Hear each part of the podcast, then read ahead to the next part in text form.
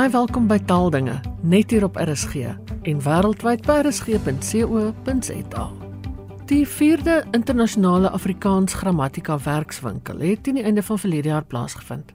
Die hooforganiseerder was Monique Rabbe, 'n taalkundige in die departement Afrikaans by die NWU se Potchefstroom kampus, en sy vertel meer oor hierdie geleentheid. Monique, wat is die Afrikaans grammatika werkwinkel? Die Afrikaans grammatika werkwinkel uh of eintlik die Afrikaans grammar workshop uh soos dit nou in Engels bekend staan. Um en ek sê nou dit dit spesifiek omdat dit eintlik 'n werkwinkel oor Afrikaans in Engels is. Um wat ek dink dikwels baie mense irriteer. Um maar dit is die rede daarvoor is natuurlik omdat dit 'n internasionale werkwinkel is wat toegespits is op navorsing oor alle aspekte van die Afrikaanse grammatika. Um en omdat daar so baie internasionale deelnemers elke jaar is ook, word dit dan nou juis in in Engels aangebied omdat dit uh toeganklik is dan nou vir almal wat bywoon en luister. So laas jaar in November is die 4de Afrikaans Grammar Workshop dan nou gehou en dit is as 'n hibriede geleentheid deur die Noordwes Universiteit in Mildersdrift aangebied. Nou hierdie tweejaarlikse werkwinkel is 'n gesamentlike inisiatief van die Virtuele Instituut vir Afrikaans, uh of Viva, die Universiteit van Michigan in Amerika en die Meertens Instituut in Amsterdam. Nou die werkwinkel is vir die eerste keer in 2016 deur Viva in Johannesburg aangebied. Daarna is dit in 2018 in Gent aangebied saam met die Gentse kolloquium daai jaar. En in 2021 is dit by die Meertens Instituut in Amsterdam aangebied. Nou, dit was natuurlik nie in 2021 moontlik vir die Suid-Afrikaanse deelnemers om in persoon daar te wees nie. So laas jaar was nou eintlik die eerste keer sedert uh 2018 waar die Suid-Afrikaanse deelnemers ook in persoon kon deelneem en hulle referate dan nou in persoon kon lewer. Nou, die werkwinkel se hoofdoel was vanuit die staanspoor, so toe dit nou in 2016 vir die eerste keer uh gekonseptualiseer en aangebied is om internasionale belangstelling in die bestudering van Afrikaans aan te moedig. En dit is ook nog steeds die hoofdoel van die werkwinkel. So dit sluit nie net plaaslike taalkundiges van ons plaaslike universiteite in nie en ons weet natuurlik ons is nou ook aan die verminder, uh maar ook taalkundiges wat aan universiteite in die buiteland verbonde is en om een of ander rede in hulle navorsing Afrikaans betrek of daarin belangstel. Ehm um, so in sommige gevalle is daar gesamentlike referate tussen plaaslike en internasionale taalkundiges aangebied. Ehm um, wat natuurlik sin maak want die plaaslike taalkundiges het dikwels 'n beter greep op die Afrikaanse gebruikskonteks en data en so meer. Ehm um, maar dit is ook vir ons baie verblydend om te sien dat 'n hele paar van die referate, intedeel amper halfte van die referate, slegs deur internasionale taalkundiges aangebied is. Nou vertel my 'n bietjie waaroor het die referate gehandel? Daar was in totaal 18 gewees, 18 referate wat gelewer is deur 27 plaaslike en internasionale taalkundiges, want soos wat nou natuurlik die gebruik in die taalkunde is, is daar dikwels meerdere mense wat nou saamwerk aan referate.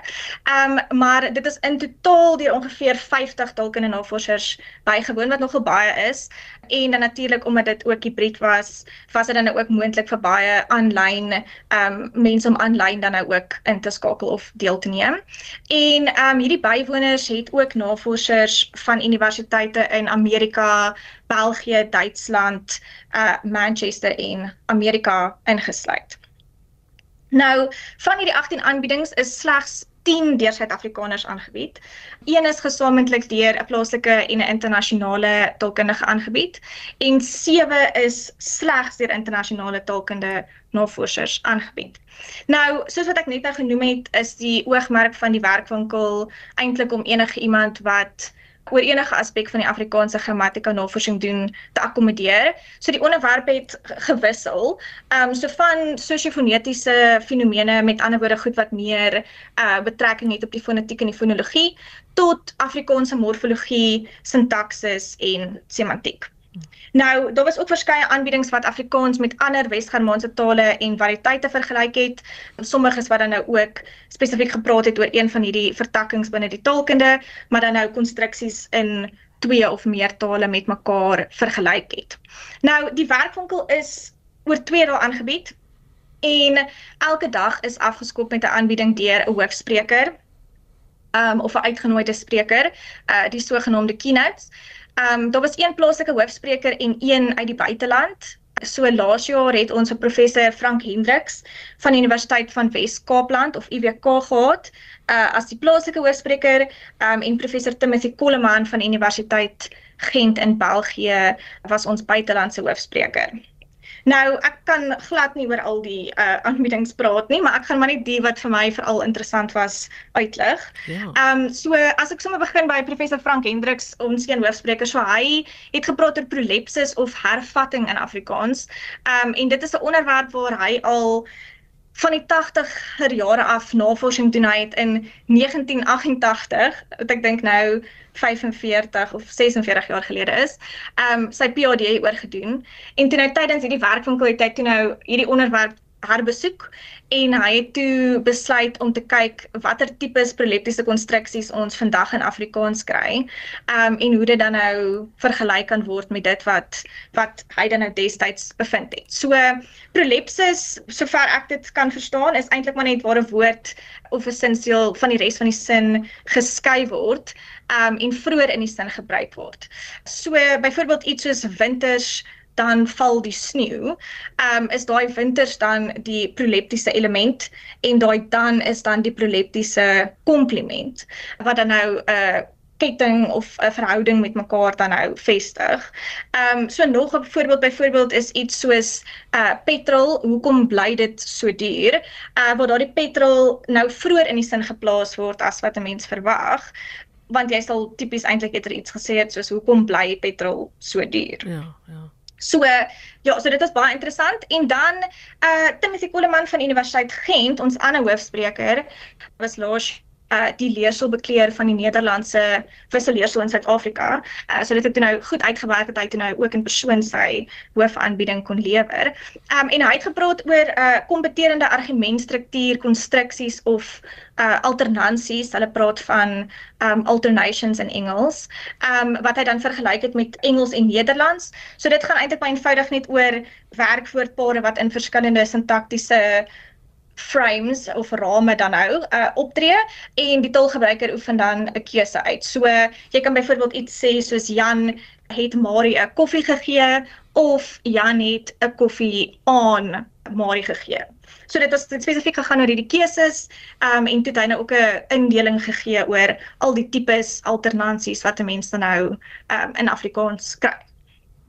En dan um 'n ander interessante sintaksis referaat is gelewer deur was 'n tolkende navorser uh tolkende navorsers of uh tolkende navorsing span.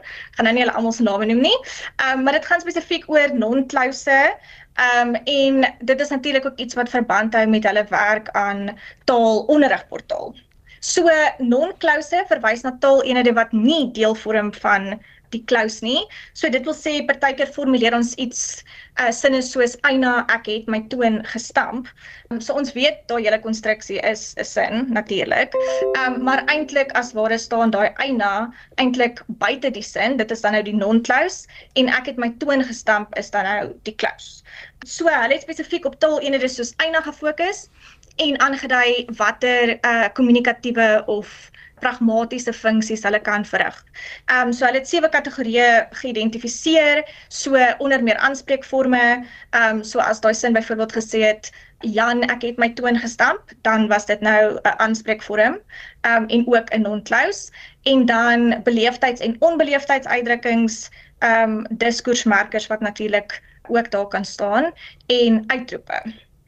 So nog 'n voorbeeld is iets soos hierdie boeke, ek het hulle nog nie gelees nie, waar hierdie boeke dan eintlik die rol van die non-close vervul. Ehm um, en ek dink as ja, dit klink eintlik ook baie soortgelyk aan uh, die prolepsis waar ons voor vroeër gepraat het. Mm -hmm. So dit is dan ook interessant hoe al hierdie aanbiedings ook dan nou by mekaar aansluit of inskakel. Ja. En dan is dan soos wat ek net nou ook gesê het, sal hierdie kategorisering ehm um, dan nou ook mettertyd by hulle taalonderrig portaal, portaal projek gevoeg word.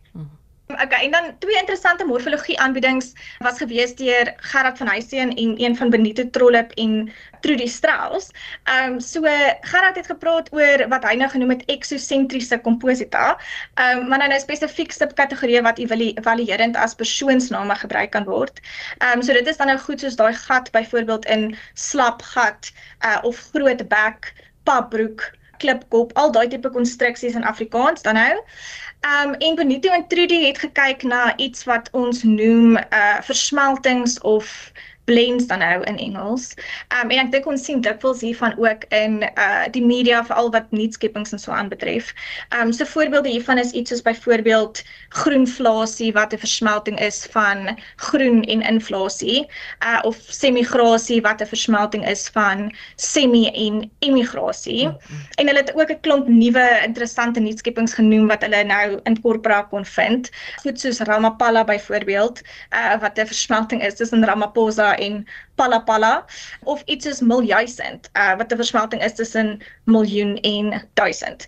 Ehm um, en dan spesifiek ook het hulle gekyk na hoe dit gebruik word om effek uit te druk of miljoensend wat byvoorbeeld gebruik word om aan te dui dat iets baie is uh sonder om te spesifiseer.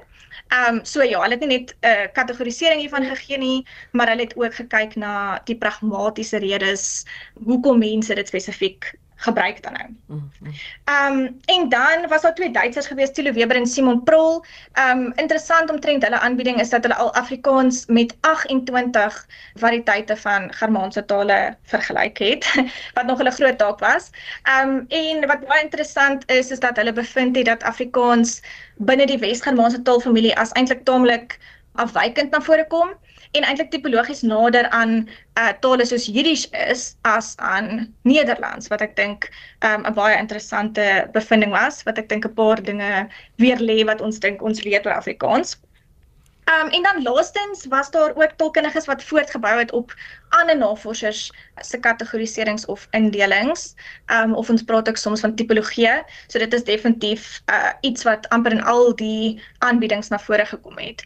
Ehm um, so Astrid de Wit van die Universiteit Antwerpe in België het op 'n nie denkende wyse aangetoon hoe pedofrastiese progressiwiteitskonstruksies in Afrikaans nie net gebruik kan word om aspektuele meertydigheid uit te klaar of uh, uit te druk nie, um, maar ook gebruik kan word om atipiese situasies uit te druk. Um en dan Pieter Dirks van die KU Leuven in België het nou weer gekyk na onderskikking of insubordinasie in Afrikaans. Ons praat ook van insubordination in Engels en dit is wanneer iets soos 'n bysin lyk like, maar as 'n hoofsin gebruik word. So daai tipe konstruksies soos indien jy dalk vergeet het of uh, as hy na jou gekyk het of dat ek so onnosel kan wees wat dan eintlik as hoofsinne optree. Dit klink vir my baie interessant. Nou wat was vernuwend omtrent hierdie aflewering van die werkswinkel? Ja, dit is behalwe nou vir die vir die tipologie wat ek nou genoem het is die ding waar ek dink ons die uh meeste opgewonde is, uh die feit dat hierdie jaar die eerste jaar is waar deelnemers nou die geleentheid gegee is om hulle aanbiedings tot vollengte artikels te verwerk, um wat ons dan nou in 'n portier beoordeelde konferensie publikasie gaan publiseer. Nou, hoewel hierdie soort publikasies reeds vir jare 'n tendens is. Um ek dink byvoorbeeld aan veral die rekenaarlinguistiek. Is dit nou die eerste keer wat die deelnemers van hierdie werkwinkel hulle navorsing in 'n langer formaat op skrif kon stel? En ek bedoel ek dink ons almal weet dat dit nie altyd moontlik is of ek bedoel mense woon werkwinkels by of uh, kongresse en dan beoog jy om 'n artikel te skryf later en dan gebeur dit ook nooit nie. Ehm um, so dit is nou vir ons goed gewees dat ons vir al die deelnemers hierdie geleentheid kon gun. Ehm um, so die bundel is saamgestel deur die Noordwes Universiteit en ons het 8 bydraes ontvang so van die 16 aanbiedings uh, wat nou nie die hoofsprekers insluit nie, uh, met 8 vir ons vollengte artikels gestuur. Um, en hierdie publikasie is nou so te sê afgehandel en gaan binne die volgende week of wat op Viva se webtuiste gelaai word op die Afrikaans uh, Grammar Workshop se webblad. En die voordeel van hierdie soort uh, publikasies natuurlik is dat bevindinge intyds en vinnig aanlyn gepubliseer kan word. Um en belangrik uh, speel hierdie publikasies ook 'n toenemend belangrike rol in die vinnige en gratis verspreiding van data en bevindinge in taalkundige navorsing. So ons praat gewoonlik van um oop bron uh verspreiding of uh open source dissemination van inligting. Um en dit is veral belangrik vir diegene wat wil tred hou met die nuutste verwikkelings in die veld, um of mense wat dalk belangstel om navorsing in en oor Afrikaans te doen, maar nie seker is wat reeds gedoen is of wat die onderwerpe is waarby hulle byvoorbeeld kan aanhak nie. Mm -hmm. Monique, wat is die waarde van hierdie en soortgelyke werkswinkels oor Afrikaans? Um jy het nou gepraat van al die buitelandse deelnemers en so so aan so watter waarde is daar hierin? Ehm um, dit is dis eintlik van ontsettende waarde wat eintlik moeilik is om in woorde te omskryf. Ehm um, maar dit is van ontsettende waarde vir die bevordering van Afrikaans een op die internasionale speelvlak soos wat ek sê dit is natuurlik ook die doel ehm um, van hierdie werkwinkel. Ehm um, en dis natuurlik ook juis hoekom ons dit as 'n hibriede werkwinkel aangebied het want dit gun meer mense die geleentheid om dit virtueel by te woon, veral mense in die buiteland. Um, en ons weet hoe duur dit is om al die pad oor die wêreld te reis vir 'n 2 dae lange werkwinkel byvoorbeeld. Maar veral ook vir navorsers wat al daaroor gedink het om navorsing oor Afrikaans te doen en dalk dit met hulle eie tale wil, wil vergelyk as hulle reeds byvoorbeeld op 'n ander taal werk. Ehm um, so dis eintlik 'n guldige geleentheid vir plaaslike taalkundige navorsers um, om idees met internasionale navorsers uit te ruil. Ehm um, nie net oor Afrikaans as sulks nie, maar oor metodes, uh oor korpora om korpora te deel met mekaar, data met mekaar te deel. Um en natuurlik ook om samewerking dan nou met betrekking tot navorsing in en oor Afrikaans te vestig. Um want daar is soveel tale wat op 'n een of ander wyse aan Afrikaans verwant is of waar die bestudering van Afrikaans vir ons insigte oor ander tale kan gee as ons hierdie verskynsels met mekaar vergelyk. Ek bedoel, dink maar net aan die twee Duitsers uh, na wie se praatjie ek vroeër verwys het waar hulle Afrikaans met 28 tale en variëteite van Wes-Germaans vergelyk het. Ja. Um en tot baie interessante insigte gekom het oor die verhouding tussen Afrikaans en en hierdie tale. Ehm um, maar ja, so dit gee eintlik vir ons die geleentheid om een te spog met al die navorsing in en oor Afrikaans op 'n internasionale platform, maar twee en belangrik om aan Afrikaans die nodige erkenning te gee as iets wat waardig is om te bestudeer of as 'n waardige objek van bestudering. Hmm. Sou jy sê dit het uiteindelik waarde vir 'n gewone taalgebruiker?